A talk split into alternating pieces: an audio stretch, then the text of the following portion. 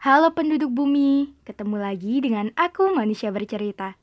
Semoga manusia bercerita menjadi teman kalian sekarang, esok, dan sampai kapan pun itu. Terima kasih sudah mendukung. Dan untuk kalian yang ingin berbagi cerita, manusia bercerita siap menjadi wadah. Untuk kalian yang ingin membuat podcast, kalian bisa memakai aplikasi Anchor. Aplikasi yang mempermudah kalian untuk membuat podcast dan aplikasi ternyaman untuk menjadi rumah podcast, cerita, dan kisah. Jadi, bagaimana hari ini? Bagaimana kabar kalian? Ada cerita apa hari ini? Untuk kalian yang sedang sakit, semoga segera sembuh. Untuk kalian yang bingung, semoga nggak bingung lagi. Untuk kalian yang bosan, sejenak lepas kepenatan. Untuk kalian yang sedih, Semoga menerbitkan tahu kembali dan semoga kalian melahirkan bahagia setiap harinya.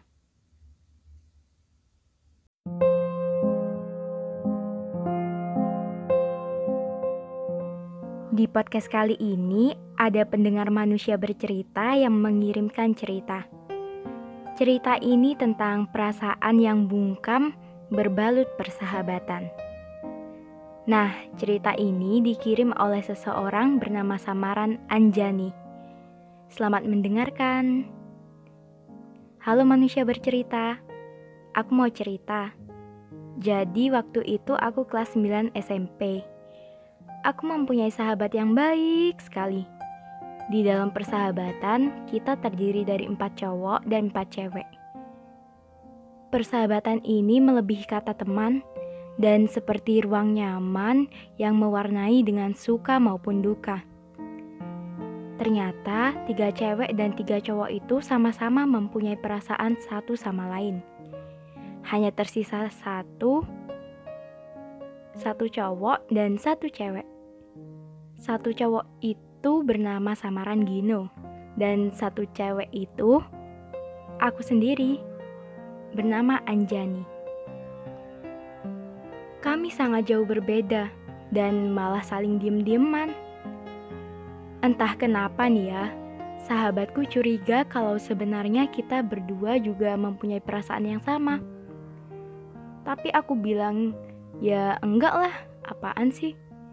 Di sisi lain, yang enggak ada siapa pun yang tahu, sebenarnya curiga itu benar karena aku selama ini merasakan sebuah kenyamanan melebihi kata persahabatan.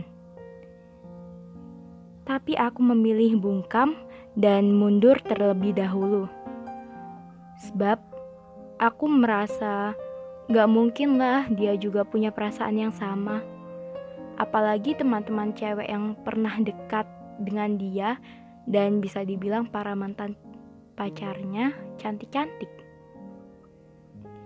Lanjut cerita, kelas 9 merupakan puncak kesibukan yang paling diuji. Sering banget praktikum, praktikum bersama sehingga membuat pertemuan kita semakin intens. Semakin hari, perasaanku semakin rumit dan ingin sekali aku bilang. Tapi aku gak bisa. Alhasil, aku curhat ke salah satu sahabatku yang cewek. Ternyata dia justru bilang bahwa Gino pernah curhat.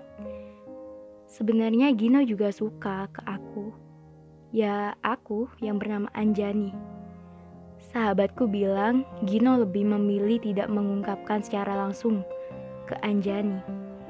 Gino takut untuk bilang sebab Gino merasa bahwa antara Anjani dan Gino sangat jauh berbeda.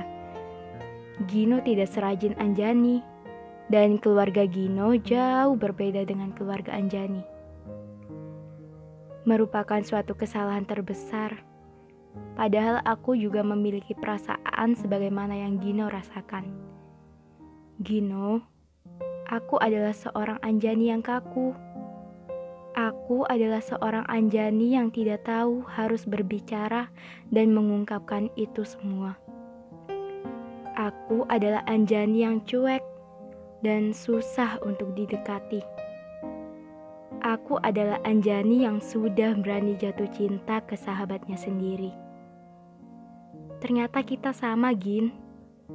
kita sama-sama memendam dan enggan untuk mengungkapkan satu sama lain. Beruntungnya, waktu itu ada jarak yang membentang sangat jauh. Selepas lulus SMP, aku memilih untuk ke sekolah SMA yang berbeda. Sedangkan ketiga cowok dan cewek yang cinlok, mereka memilih sekolah yang sama. Sangat menyenangkan sekali mereka.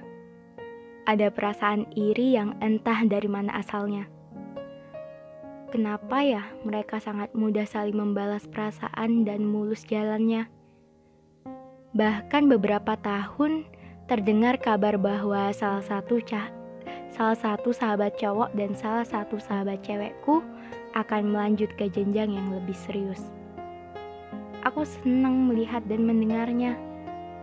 Aku bilang bahwa waktu itu waktu ketemuan lagi aku bilang gini aku kok susah ya mendapatkan seseorang lalu teman-temanku bilang bahwa sebenarnya kamu bukan susah banyak loh yang mencoba mendekati kamu dan kamu justru menghindar seperti beda banget levelnya sama anak-anak sini kebetulan waktu itu kami bertemu kecuali Gino Gino tidak datang waktu itu.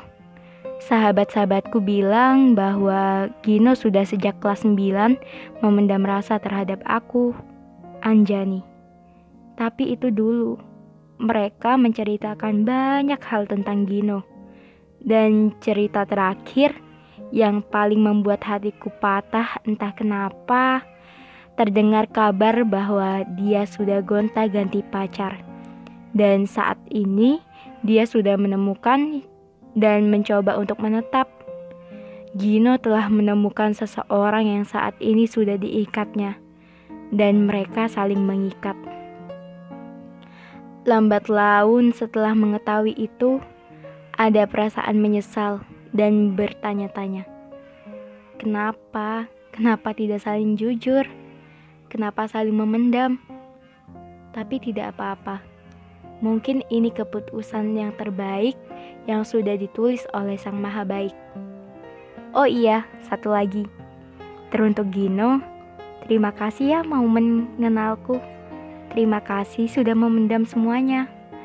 Apa pun yang terjadi, mungkin ini sudah jalannya. Kita bertemu hanya ditakdirkan menjadi sahabat. Mungkin kalau kamu mengungkapkan rasa, kala itu ceritanya akan beda lagi. Dan siapa tahu kita sudah saling berjauhan dan tidak saling mengenal lagi. Terima kasih sudah memilih keputusan yang tepat dan terbaik. Bahagia ya sama pilihanmu yang sekarang. Oke, jadi tentang Gino dan Anjani seolah memperingatkan kita bahwa memendam membawa penyesalan tersendiri. Jatuh cinta terhadap sahabat sendiri merupakan kesalahan yang menimbulkan kerum kerumitan. Bagaimanapun, yang namanya perasaan kadang tidak tahu tempat yang tepat. Kita tidak bisa melarang dan memberi aba-aba untuk dilarang jatuh cinta terhadap sahabat sendiri. Sebab yang namanya perasaan tidak bisa diperintah dan dapat timbul berkat pertemuan, kedekatan, dan kenyamanan. Untuk Anjani, semoga selepas ini kamu menemukan seseorang yang memberi warna kembali dan bertemu dengan seseorang yang lebih tepat. Tidak apa-apa ya, kehidupan tetap akan terus berlanjut ke depannya tentang Gino adalah sebuah pembelajaran. Terkadang orang terdekat kita menawarkan kenyamanan dan menumbuhkan perasaan. Sialnya, perasaan itu dibiarkan bungkam hingga pada akhirnya menimbulkan penyesalan. Tapi tidak apa-apa. Anjani, mungkin Gino adalah cara pencipta membentuk kamu dewasa dari sebuah luka tanpa darah. Salut banget. Kalian bahkan sampai saat ini masih bersahabat. sama-sama berdamai dengan perasaan itu menunjukkan bahwa kamu berhasil memasuki fase pendewasaan. Oke, sekian podcast dari Manusia Bercerita. Semoga kita bisa ketemu di lain waktu. Salam hangat, Manusia Bercerita.